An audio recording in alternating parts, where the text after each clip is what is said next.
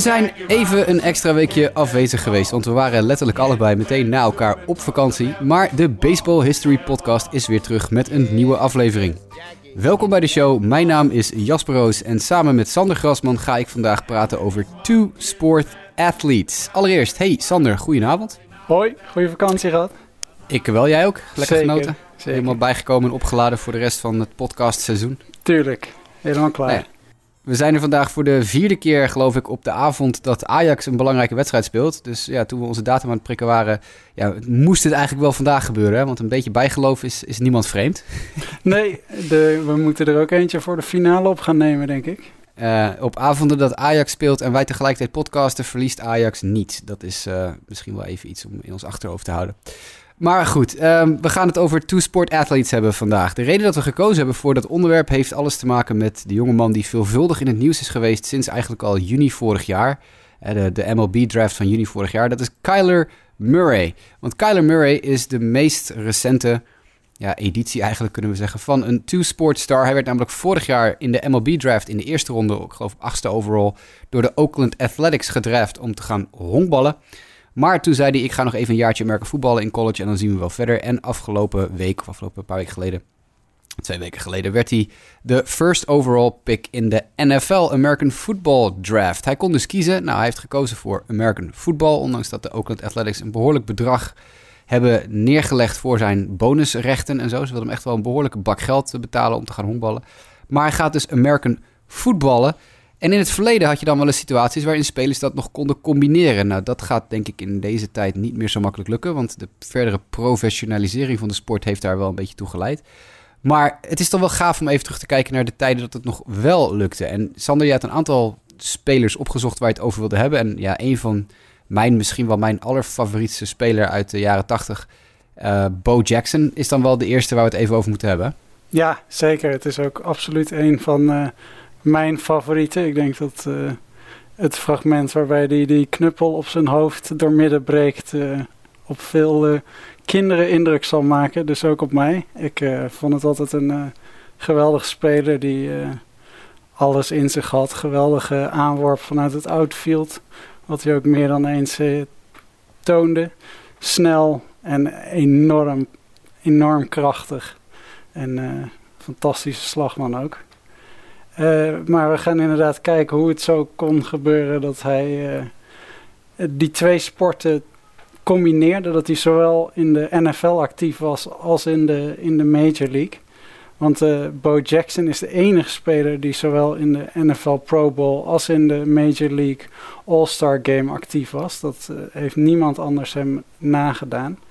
En het is, we kunnen alleen maar speculeren over wat hij had kunnen presteren als hij niet eh, geblesseerd was geraakt. Hij is geblesseerd geraakt tijdens een eh, redelijk eh, ja, doorsnee tackle bij het American Football waar hij zijn heup blesseerde. Hij had een nieuwe heup nodig en zo eindigde zijn uh, American Football carrière eerst en uh, later ook zijn honkbalcarrière al op zijn 32e. Waardoor we nooit echt zijn volledige potentie hebben gezien. Maar in uh, de korte tijd dat we van hem konden genieten, heeft hij al wel hele mooie dingen laten zien. Uh, Bo Jackson was niet, werd niet geboren als Bo Jackson. Dat was een uh, bijnaam die hij kreeg van zijn broers en zussen. Omdat hij zo sterk was als een boar hog. Wat ze in Alabama blijkbaar uitspreken als iets dat klinkt als Bo Hog. En dat werd Bo Jackson. Hij groeide op in Bessemer, Alabama. En uh, hij stotterde als jong kind. En daarom werd hij gepest. En hij zocht zijn toevlucht in sportieve activiteiten. Waardoor hij die imposante fysiek, waar hij later bekend om zou staan, uh, ontwikkelde. En met die fysiek maakte hij al op de middelbare school enorm veel indruk met zijn uh, sportieve talent. Niet alleen American football en, en honkbal, maar hij was ook een geweldig atleet. Zo uh, deed hij tweemaal mee aan de staatskampioenschappen.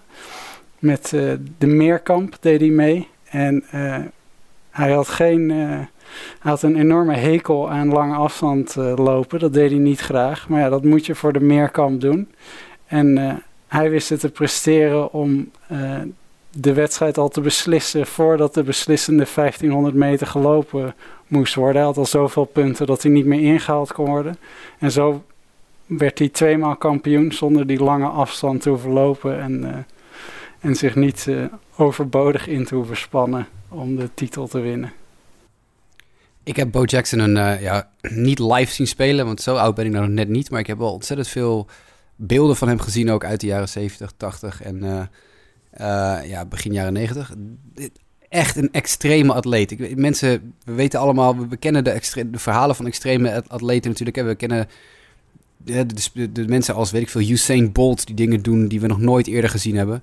Uh, en, en, en, dat soort dingen. Maar Bo Jackson was echt, uh, nou, niet eens generationeel. Die was misschien wel gewoon, uh, ja, decennieel of zo. Dat, dat, dat, of weet ik veel, eeuw, eeuwig of zo, weet je? Ja. Het is ongelooflijk wat een, wat een atleet deze man was. En, en als je natuurlijk met zoveel gemak kan Amerika voetballen en honkballen... Ja, dat vind ik echt, echt fantastisch hoor. Ja, je hebt ook zo'n fragment dat hij een, bal diep in het outfield geslagen wordt. En hij, volgens mij, hij vangt hem. En dan hij heeft zoveel snelheid dat hij gewoon even tegen de, de muur in het outfield oprent. En het lijkt bijna alsof hij door kan blijven lopen totdat hij die hele muur afgelopen heeft. Uiteindelijk komt hij nogal naar de grond, maar ja, zo atletisch, zo snel, sterk. Ongelooflijk. Ja, nou ja, goed. Zullen we, zullen we het oppakken maar bij zijn, uh, ja, zijn American Football eerste avonturen? Ja, want hij wordt uh, gedraft in 1986 door de Tampa Bay Buccaneers. Zij kiezen met de, de eerste pick.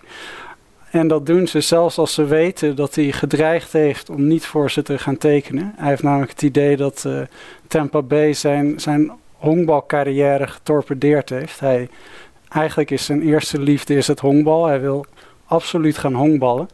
En de Tampa Bay's hebben er, denkt hij, voor gezorgd dat uh, hij niet uh, mag honkballen. Er is, een, er is een zaak tegen hem aangespannen waardoor hij waarin uitgesproken werd dat hij in zijn laatste jaar op college niveau niet, niet mag spelen meer. En hij heeft het idee dat Tampa Bay daar een hand in gehad heeft. Dus hij heeft een, ja, nog een appeltje met ze te schillen en hij weigert uh, voor hen te tekenen. Dat kondigt hij aan. Ze kiezen hem toch met die eerste pick.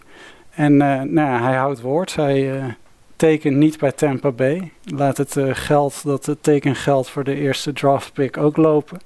En hij uh, weigert te gaan uh, spelen voor Tampa Bay.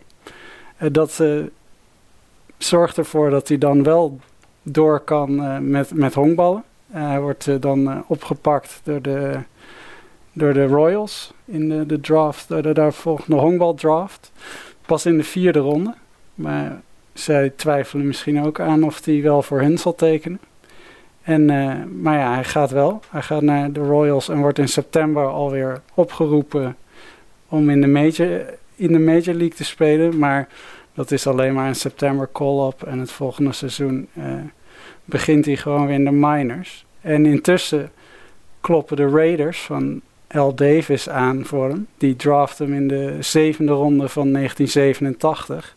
En eigenlijk verwacht niemand meer dat hij uh, gaat spelen. Dat hij nu zich zal richten op zijn minor league carrière. Zoiets heeft hij ook wel zelf gezegd.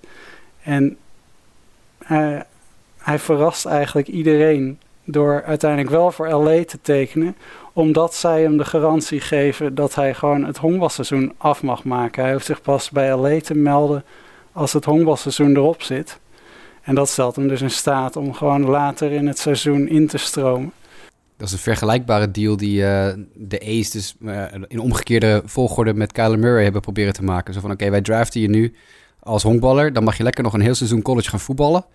En dan volgend jaar dan sluit je eventueel weer bij ons aan als je daar behoefte aan hebt, zeg maar. Dus dat, is, dat deden ze eigenlijk toen, deden de Raiders dat al omgekeerd met, uh, met Jackson. Ja, en alleen de Raiders... voor de Raiders pakte het dan wel positief uit. En niet zoals de A's nu zien dat Kyler Murray... Het gewoon naar de NFL gaat. Hij speelde wel seizoenen voor LA en presteerde daar uitstekend. Hij haalde daar zelfs de, de Pro Bowl. En nou, zoals gezegd is hij de enige die in de Pro Bowl en in de All-Star Game van de MLB speelde. Want in, als ik moet ik het goed zeggen, 89 brak hij ook in de, de Major League door. Hij was op dat moment al doorgebroken in de NFL. Had hij dus al een paar sterke seizoenen gekend. En uh, toen kwam daar in 89 ook nog zijn uh, daadwerkelijke doorbraak in, uh, in het honkbal bij. hij, had, hij sloeg volgens mij dat seizoen iets van 25 home runs. Had net zoveel gestolen honken. En goed average, gewoon prima statistieken. En hij mocht dus naar de All-Star Game. Alleen succes met teams heeft hij nooit bereikt.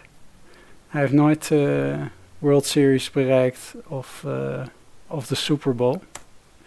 En uh, nou daar kreeg hij ook niet heel lang de kans voor, want uiteindelijk duurde zijn, zijn carrière in het merken voetbal maar vier jaar voordat uh, blessureleed daar een eind aan maakte. En zijn, zijn honkbalcarrière zo'n zeven jaar. En hij stopte daarmee in 94 toen de, de grote staking van 94 een einde maakte aan het seizoen, stopte hij er ook mee.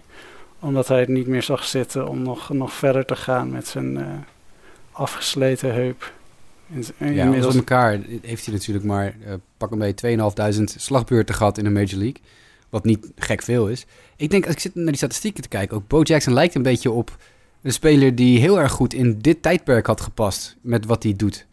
Want hij heeft altijd heel veel strikeouts ook. In het jaar waar je het net al over had, 89, waar hij All-Star en uh, eh, eh, MVP-stemmen krijgt, uh, voert hij de league aan met 172 strikeouts. Nou, dat is natuurlijk helemaal niks vergeleken met nu, want nu gaan spelers met enige regelmaat de 200 door. maar toen was blijkbaar 172, dan was je de persoon met de meeste strikeouts. Maar hij sloeg wel dat jaar 32 home runs, 15 twee honkslagen, had een OPS van 805 en een slugging van bijna 500. Terwijl zijn slaggemiddelde maar 256 was. Dus hij is eigenlijk een prototype speler van nu. Hè? Een wat lager slaggemiddelde, maar heel veel power en heel veel strikeouts. Met bijna geen vrije lopen ook. Want hij had maar 39 vrije lopen in dat seizoen. Ja. is echt een, een, prototype, een moderne speler eigenlijk in 1989. Ja, ja het is uh, echt een powerman. Dus het, uh, ik denk dat zijn spel... Uh, want, want de jaren 80, ik weet niet of al onze luisteraars dat weten... was gewoon een tijdperk waarin boven de 30 home slaan gewoon echt uitermate goed was. Uh, boven de 40 werd er eigenlijk nagenoeg niet geslagen. In dat hele decennium volgens mij maar 13 keer meer dan 40 home Dus als je dan 32 home slaat, dan zit je echt wel gewoon bij de, bij de, bij de allerbeste. En uh, dat zat uh, Bo Jackson dus ook dat jaar. Ja, zeker op, op powergebied, absoluut ja. ESPN heeft een paar jaar geleden, ik geloof in 2000 2011 of 2012 daar in de buurt. Een hele vette ESPN 30 for 30 gemaakt over Bo Jackson. Iets van uh, Bo knows best of iets in die geest. Uh, you don't know Bo. Een van die, dat soort uitspraken die Bo Jackson had. Dat zijn natuurlijk hele beroemde gevleugelde uitspraken. Want Bo Jackson heeft wat reclamespotjes gedaan in de jaren 80. En Bo knows best was van Nike, geloof ik. Ja, ja en het was en, uh, volgens mij een reclame waar Bo Diddley de muziek voor speelde. Dus het was twee boos bij elkaar die uh, Bono's of Bono's best uh, ondersteunden. Het was inderdaad voor Nike's uh, cross-training shoes. Die zwarte, die heb ik ook nog gehad. Trouwens, toen ik klein was. Maar dat is een ander verhaal. uh, maar ik raad zeker iedereen aan om, die, om te kijken of ze hun vingers kunnen krijgen achter die ESPN 30 for 30 You Don't Know Bo. The Legend of Bo Jackson. Want dat, dat is fantastisch. Hij is inmiddels een jaar of 60, 62, 59, 56. Even kijken. Hij is 56. Ja, hij is dus nu druk eh, aan het fietsen, zag ik. Ja, dat klopt. Hij heeft inderdaad, eh, net als Barry Bonds, een beetje het, eh, het fietsen opgepakt hè, als nieuwe hobby. Ja, hij is volgens mij voor het goede doel, Bo Bikes Bama, door Alabama aan het fietsen. Enorme afstanden.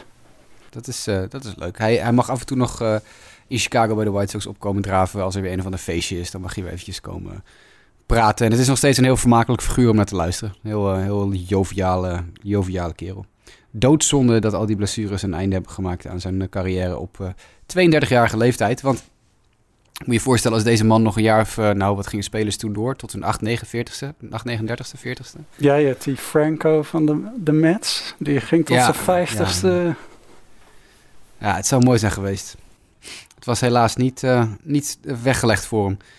Um, Bo Jackson blijft voor mij eigenlijk een beetje de Ja, de, de heilige graal van two-sport players. Want ook al kijk je naar al die andere spelers die dat ooit gedaan hebben, is denk ik Bo toch wel de meest ja, indrukwekkende voor mij persoonlijk.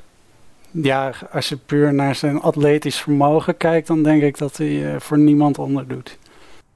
Nee, inderdaad. Er is, uh, ja, we gaan maar naar de volgende, want er is er gelijk nog een rond diezelfde periode, die ook een beetje geprofiteerd heeft, denk ik, van um, de weg die Bo Jackson voor hem geplaveid heeft, uh, min of meer. Uh, dat is ja, Neon Dion Primetime, wel bekend voor onze NFL-luisteraars, Primetime Dion Sanders. Die natuurlijk in de voetbalwereld, in de Amerika voetbalwereld, ja, denk absoluut een legende is. Fantastische cornerback, return specialist. Weet ik veel wat hij allemaal gedaan heeft. Speelt geloof wel acht posities.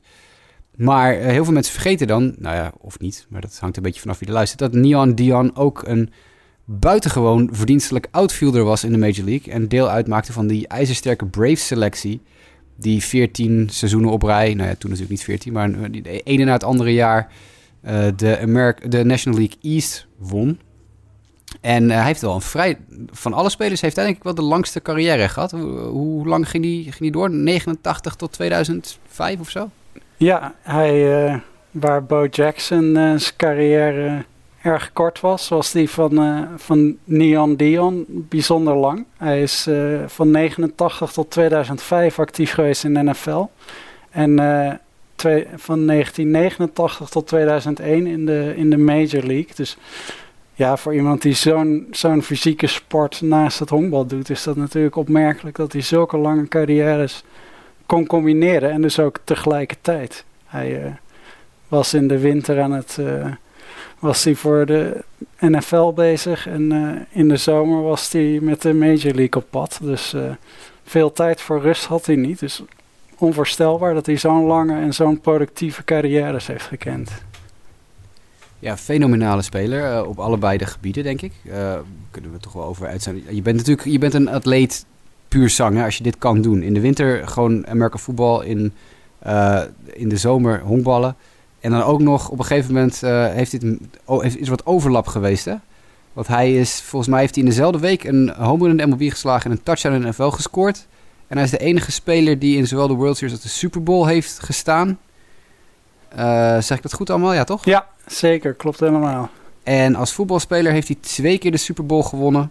Terwijl hij uh, de World Series in, met de Braves wel verloor. Hè? Dat was begin ja. jaren 90 ergens. Vlak voor de strike, geloof ik. Ja, volgens in 92 verloor hij met de Braves nog de, de World Series van de Blue Jays.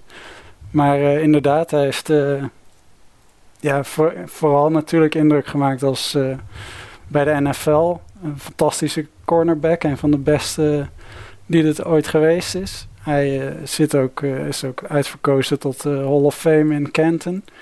En in 2010 werd hij zelfs door NFL Network op de 34e plek van de 100 beste spelers alle tijden gezet. Dus ik denk voor de, voor de luisteraars die niet zo veel uh, de NFL volgen, denk ik dat dat wel een mooi beeld geeft van hoe goed hij was als uh, NFL-speler.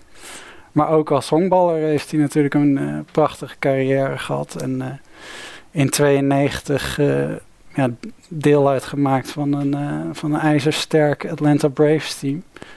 Die aan het begin stonden van hun dominantie.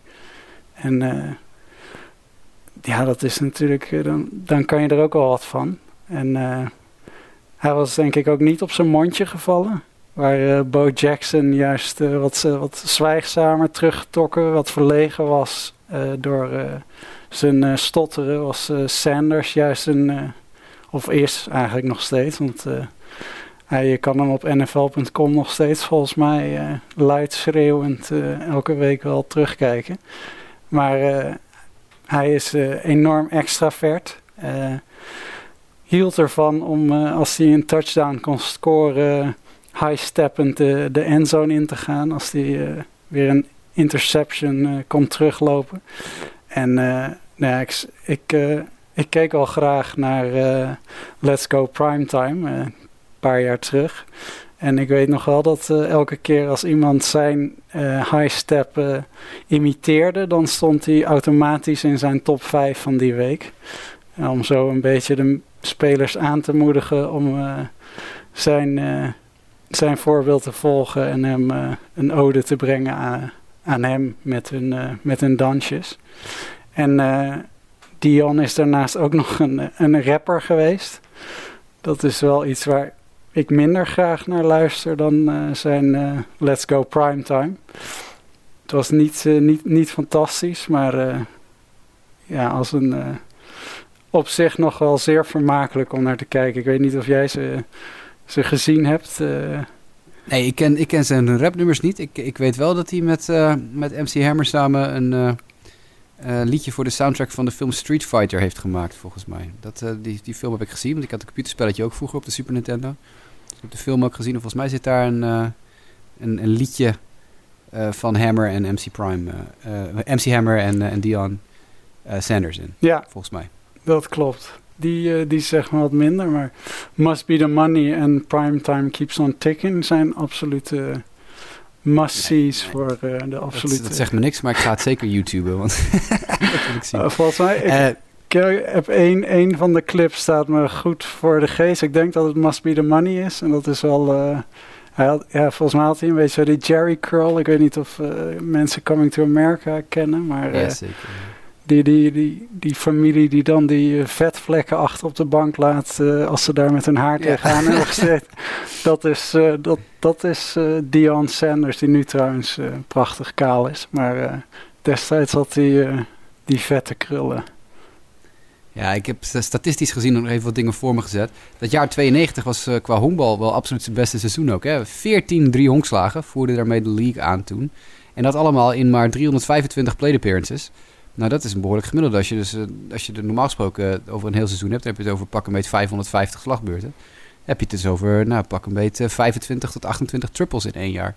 Nou, dat is toch niet onaardig. Voor de rest, ja, sloeg hij dat jaar 304 met een 841 OPS. Nou, dat is natuurlijk ook al meteen uh, een uitstekende slaglijn. 26 gestolen honken. Dik in orde natuurlijk. Hij haalde twee jaar later zelfs nog 38 gestolen honken. Maar dat is een ander punt, toen sloeg hij telkens wat minder. Maar 92 was wel absoluut zijn beste jaar op honkbalgebied. En als je daar zijn voetbalstatistieken naast legt... Hij heeft dus eh, een aantal jaar bij de Atlanta Falcons gespeeld. Hij heeft in San Francisco gespeeld, bij Dallas. En zijn carrière eindigt uiteindelijk bij Washington en Baltimore. Um, dan heeft hij ook wel eens wel een aardige resume verzameld... als je het op, uh, op voetbalstatistieken aanneemt. Want 53 interceptions als uh, cornerback is niet gek. Zit ik even naar te kijken. Dus dat, dat, dat doet hij dat heel aardig. Was een beetje, een beetje meer credit naar Dion dan ik net gaf misschien.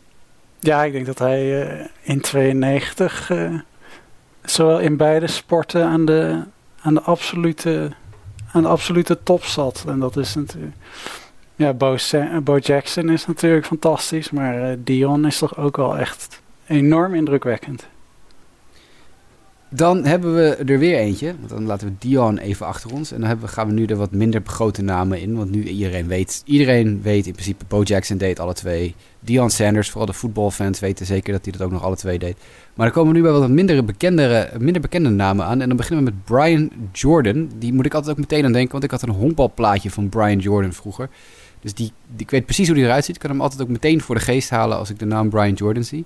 Maar uh, die is uh, veel minder bekend als zeker op zijn honkbalcapaciteiten aankwam. Hoewel die best wel een behoorlijke honkbalcarrière achter de rug heeft ook. Hij heeft van 92 tot 2006 is hij uitgekomen in de Major League. Achterin volgens voor de Cardinals, de Braves, de Dodgers, de Rangers en nog een keer de Braves. Um, best een aantal heel goede seizoenen gehad. Ik zie het seizoen 93 was een heel goed seizoen. Het seizoen 96 was hij uitstekend. 98 was misschien wel zijn beste seizoen. Uh, dat is zeker weten zelfs zijn beste seizoen. Dus sloeg hij 25 home runs met een 900 OPS.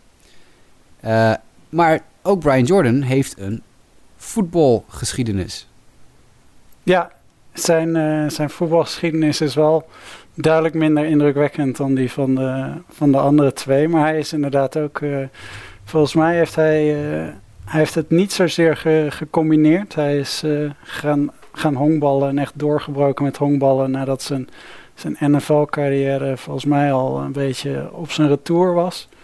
Dus hij is meer uh, zich wel echt gaan focussen op honkbal daarna. En heeft dus inderdaad nogal hele sterke jaren gehad. Een uh, mooie transfer afgedwongen met heel goed spel. En uh, nou ja, hij verdient het zeker om op, in dit lijstje te staan. En ik denk dat hij ook de, de laatste is die het gepresteerd heeft om op, op zo'n hoog niveau een tweede sport te spelen. Nadat je al op een andere, in een andere sport het tot professional geschopt hebt. Ja, hij van 89 uh, tot 91 speelde hij in de NFL. Voor de Atlanta Falcons ook. Uh, strong safety speelde hij daar. Nou, hij heeft niet heel veel wedstrijden in de NFL gespeeld. Dus 36 stuks. Hij heeft uh, 90 en 91 heeft hij een heel seizoen gespeeld. Maar in, uh, in 89 maar vier wedstrijden. En toen is hij inderdaad overgegaan naar de Major League. En heeft hij toch MVP-stemmen gekregen. Want ik zie hier MVP-stemmen voor 1996.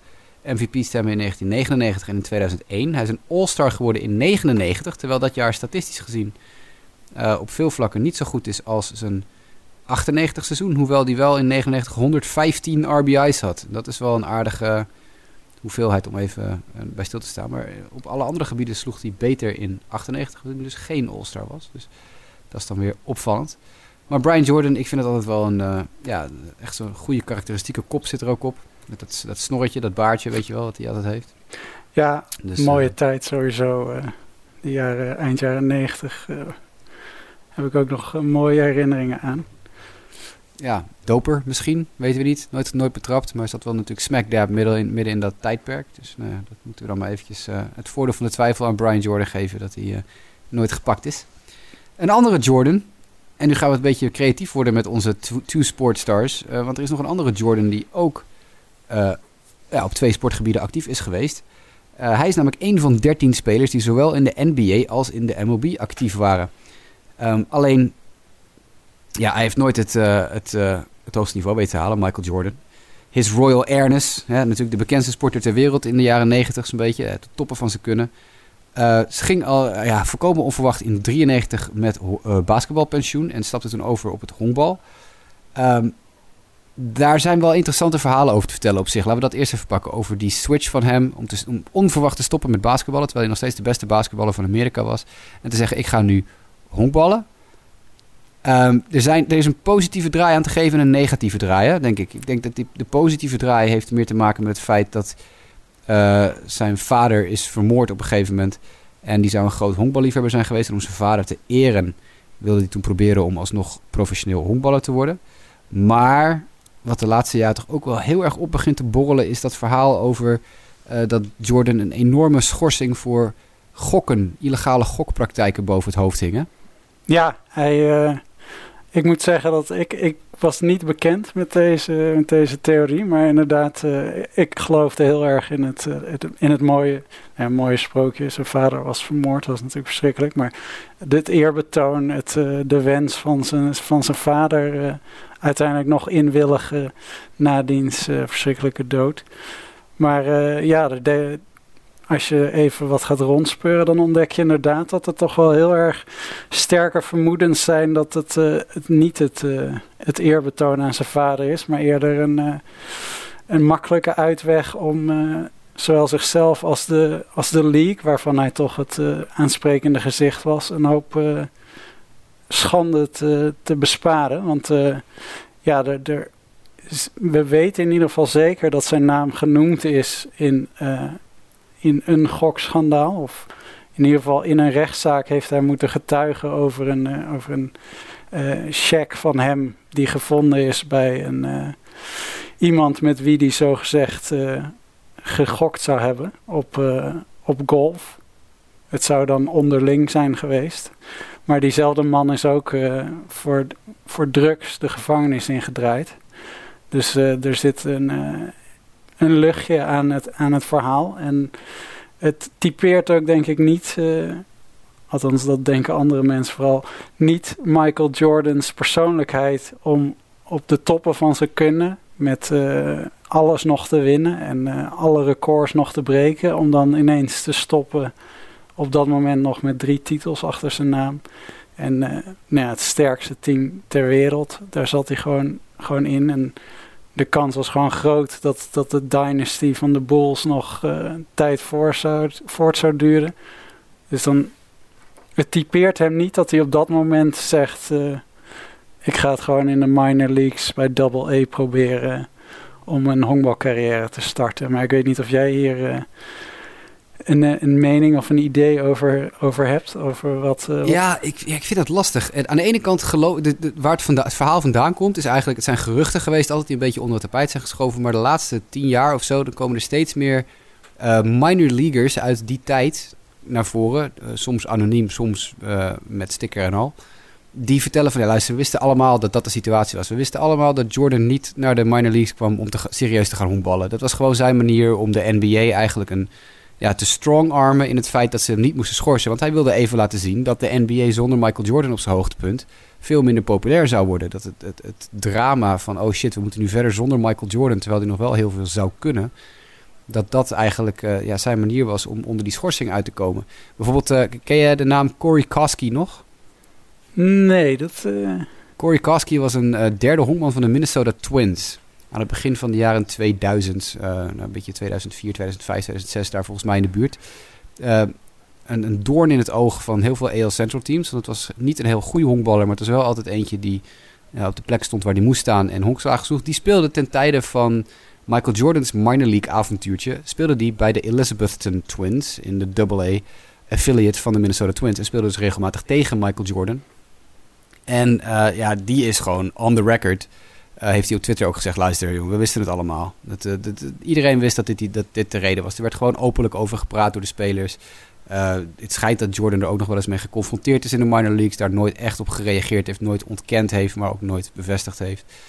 Dus ja, ik, ik, ik vind er wel wat voor te zeggen. Ik ben niet zo'n conspiracy theorist, maar ik, ik geloof wel dat er meer aan de hand was dan alleen... ik ga stoppen met waar ik het beste in ben om mijn vader te eren. Ik, ik weet niet of dat in zijn geval uh, echt helemaal serieus. Dus hij werd natuurlijk gewoon nog behoorlijk betaald. Hij had natuurlijk een enorme smak geld op de bank staan en heeft dat ook lustig gebruikt. Terwijl hij die 850 dollar per maand in de minor league kreeg ja. Uh, aan salaris. Ja, met endorsements verdiende hij denk ik 2,5 miljoen ja, en miljoen, 850 ja. dollar per maand. En die 850 dollar was dan zijn salaris bij de, bij de Birmingham Barons. Ja, eh, voor het geld. Ja, hij, heeft, hij, heeft, het op een gegeven moment wel een, eh, een, dikke bus gekocht nog voor ze. Ja, ja, dat, Want hij, hij, wilde niet in die krakkebikkige bus van, uh, van plekje naar plekje. Ja. dat vind ik toch altijd wel een mooi verhaal. Ja, de, ik uh, heb daarover gelezen in de biografie van Francona. Die, uh, die was zijn, zijn manager. Ik overviel je vorige week met die vraag, maar gelukkig wist je hem natuurlijk. Maar ja, Francona was daar, uh, hij was toen nog maar 35, Francona. En die was daar de, de manager van de, van de Barons. Was een van zijn eerste klussen, of misschien wel zijn eerste klus als hoofdcoach. En uh, toen uh, zat hij ineens tegenover zijn nieuwe, zijn nieuwe right fielder, was hij volgens mij Michael Jordan. En het eerste wat hij vroeg was, do we fly?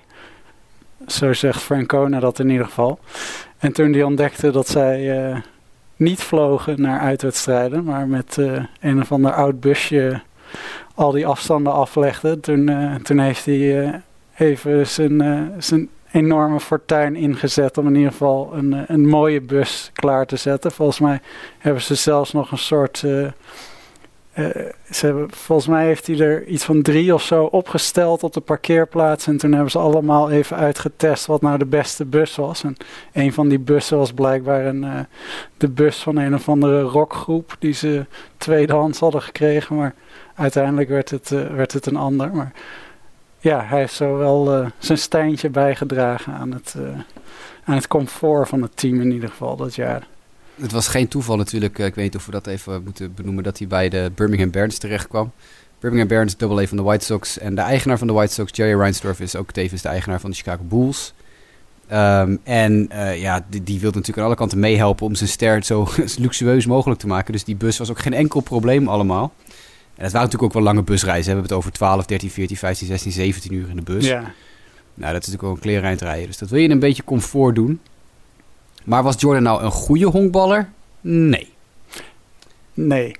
Nee, hij zal niet in het uh, All-Star team hebben gestaan. Van, uh... Ik vind het nog knap als je naar zijn, zijn minor league slashline kijkt... dat hij met een slaggemiddelde van 202 over zijn hele carrière... en een uh, on-base percentage onder de 300 en een slugging onder de 300...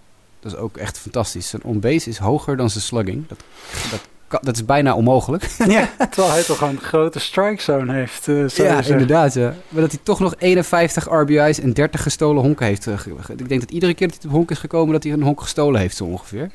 Want met een 2-0-2 slaggemiddelde, daar kom je niet zo heel erg veel, uh, niet heel erg veel ver mee. Maar toch, ik bedoel, hij had op dat moment al, wat, 12, 13 jaar niet gehonkbald. Dus dan, ja, ik zou ook niet zomaar in één keer op het veld kunnen stappen en die bal kunnen slaan. Uh, helaas is die, ja, die honkbaldroom van hem is nooit uitgekomen. Ook weer net als Bo Jackson die besloot om te stoppen met honkballen rond de player strike. Heeft uh, Jordan dat toen ook gedaan.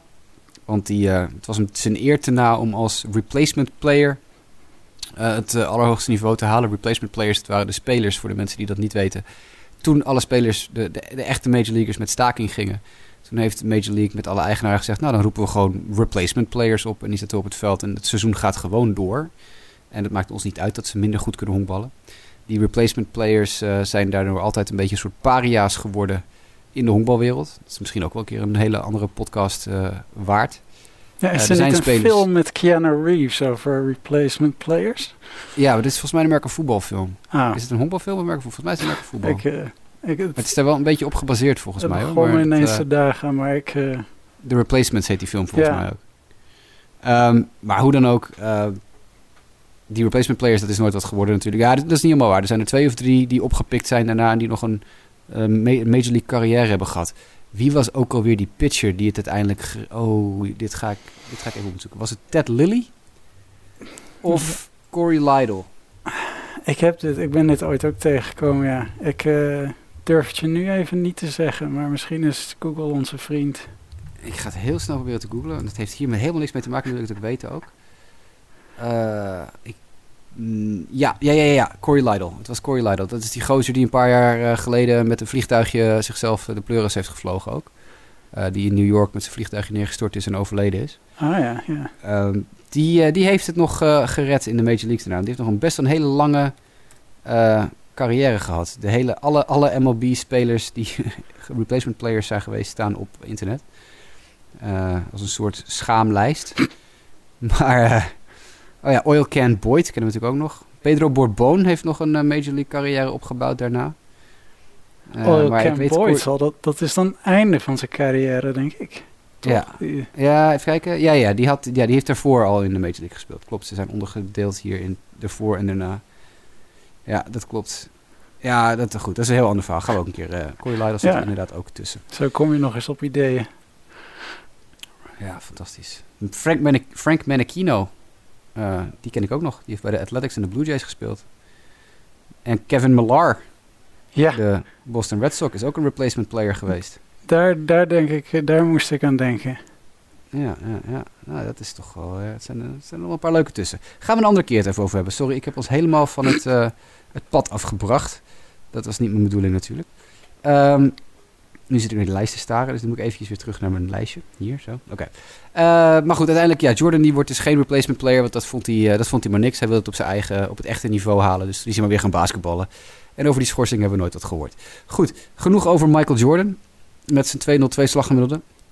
Er zijn er nog een paar uh, die we even kort gaan benoemen, omdat ze ook wel de moeite waard zijn. En dan breien we weer een eind aan, Sander, want dan moet ik onderhand mezelf klaar gaan maken voor het, de marteling die vanavond mogelijk wordt. Gene Conley heb je nog opgeschreven als iemand die uh, allebei kon. Hè? Uh, ook een uh, basketballer slash honkballer.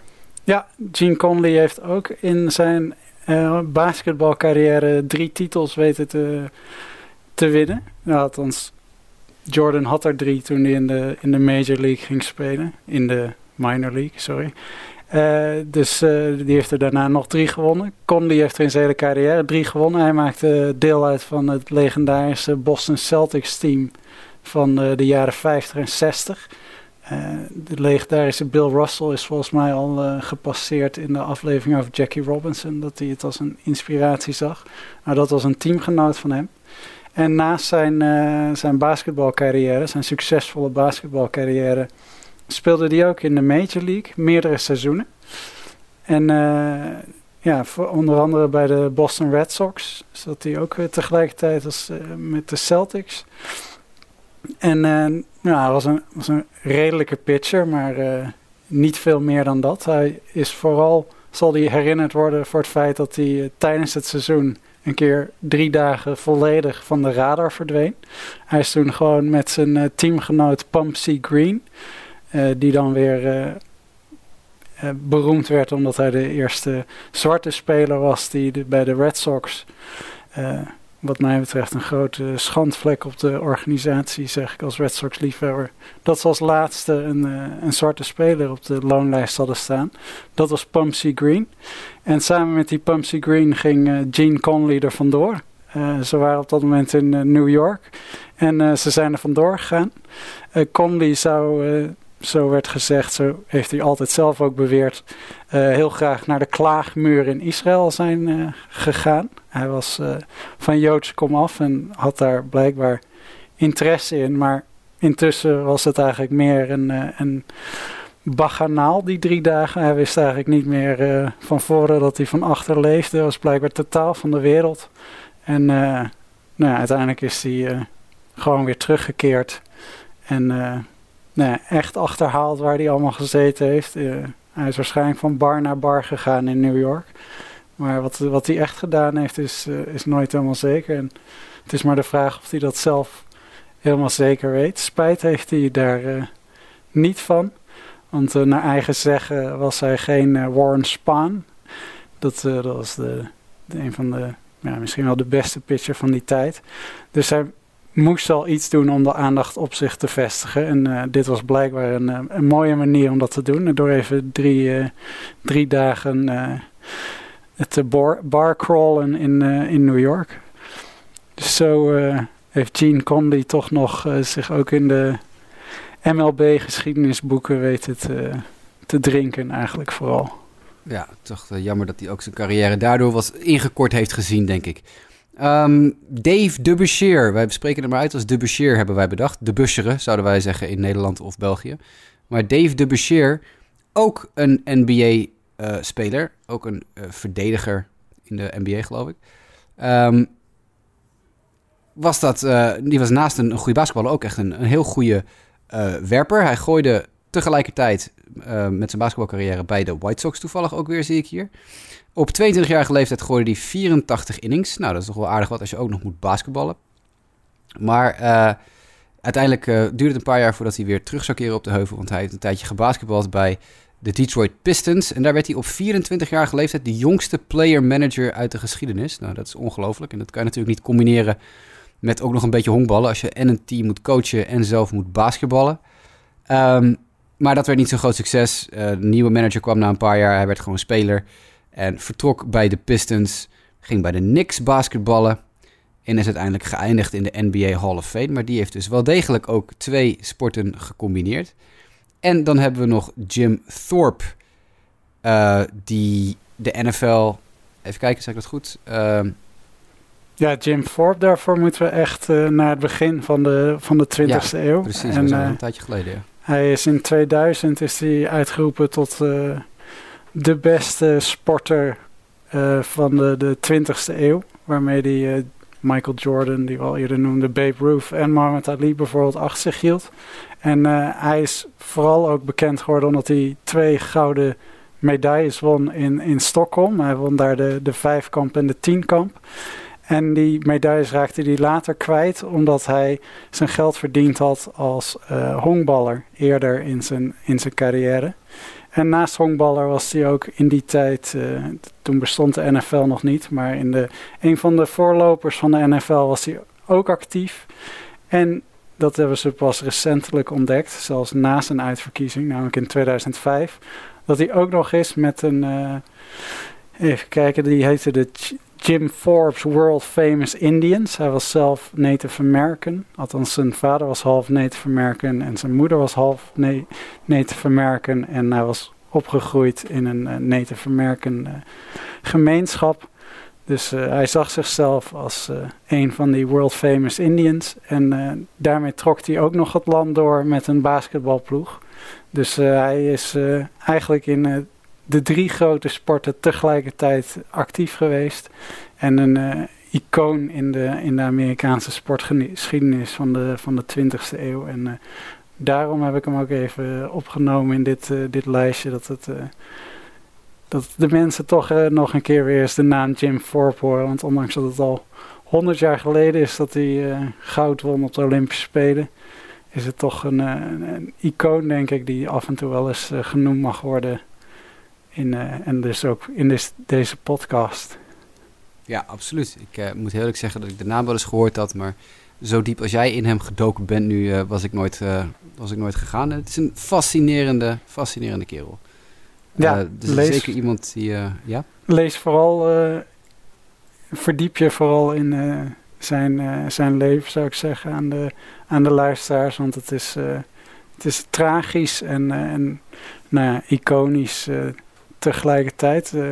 ik kwam zijn naam volgens mij toevallig tegen in een NFL-lijstje met de grootste NFL-spelers aller tijden, waar, waar tussen de bekende namen als de, de, Jim Browns ineens Jim Thorpe volgens mij op de eerste of tweede plek stond. En sindsdien ben ik altijd gefascineerd geraakt door zijn leven. En nou ja, ik denk dat het is een mooi, mooi verhaal om je in te duiken. Absoluut. Raden we dan ook van harte aan. Sander, we zitten alweer op 46 minuten en een beetje, volgens mijn telletje. Uh, dus we gaan er een eind aan breien. Dankjewel dat je ook vandaag weer even de tijd hebt genomen om uh, ons uh, ja, bijgeloof ritueel weer wat eer bij te zetten met een nieuwe Baseball History podcast. Um, wat, wat had je bedacht? we, zullen het over twee weken over hebben. Even kijken. Dat, Hadden wij dat al besloten of hadden we, we hadden een shortlistje gemaakt geloof ik hè, van de week? Ja, ja, ja. ja dit... Even, Eens even zien of ik het lijstje ook tevoorschijn kan over. We hebben wat schuiven, want we hebben een paar heel leuke suggesties gehad van luisteraars. Dus die hebben er ergens tussen proberen te proppen, geloof ik. Even kijken. De cheat sheet. Oh, hadden, ja, nee, we hebben nog niet helemaal 100% uh, uh, vastgesteld. We gaan misschien iets met de draft doen. Uh, Wat Steels. We hebben misschien nog wat uh, Cubanen in de Major League. De geschiedenis van Cubaanse honkballers in de Major League. Dat is ook wel een interessante. Gaan we eens even bedenken. Ik denk dat die Cubanen, dat lijkt me wel wat. Dat, ja, misschien dus, moeten we dat maar even eh, mooie, gaan ondernemen. Mooie verhalen over te vertellen, denk ik. Ja, over de moderne Cubanen zijn leuke verhalen te vertellen. Maar denk ook over de wat minder bekende Cubanen die de weg geplaveid hebben. Uh, en en de, de oversteek telkens gemaakt hebben om Cubaans uh, talent de Major League in te krijgen. Dus misschien gaan we dat maar eens even doen. Dat lijkt me wel, lijkt me wel aardig. Uh, nou, meer heb ik even niet, Sander. Ik, uh, ik ben inmiddels helemaal in voetbalmodus. Ja. Dus ik ga eventjes een drankje inschenken voor mezelf en rustig de televisie aanzetten. Um, ik wens jou alvast een hele fijne avond. Ga jij ook kijken? Neem aan van wel. Ik ga zeker kijken. Ja, jij bent natuurlijk niet per, per definitie iemand die deze club een warm hart toedraagt, maar ja, je moet, hoe sterker je vijanden, hoe, hoe, ja. groot, hoe mooier de overwinningen. Ja, zo is het ook weer waar natuurlijk. Uh, ik wens je een heel fijne avond. Luisteraars, heel erg bedankt voor het luisteren. We gaan de volgende keer dus weer verder. Dat zal pakken beter over een week of twee zijn, gok ik zo. Dan dus mogelijk met Cubanen in de Major League. Ik wens jullie allemaal een heel prettige avond of een heel prettige dag. En tot de volgende keer.